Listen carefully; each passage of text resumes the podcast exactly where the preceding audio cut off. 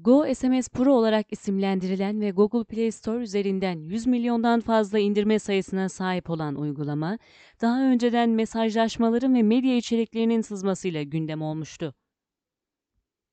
Sonrasında iki farklı yeni sürümü kullanıcılara sunan uygulama yine zafiyetiyle gündeme geldi.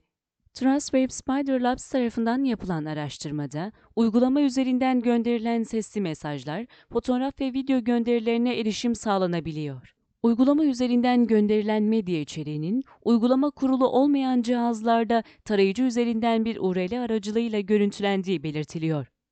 Ancak bu görüntülenme için herhangi bir güvenlik sağlayıcı kullanılmıyor.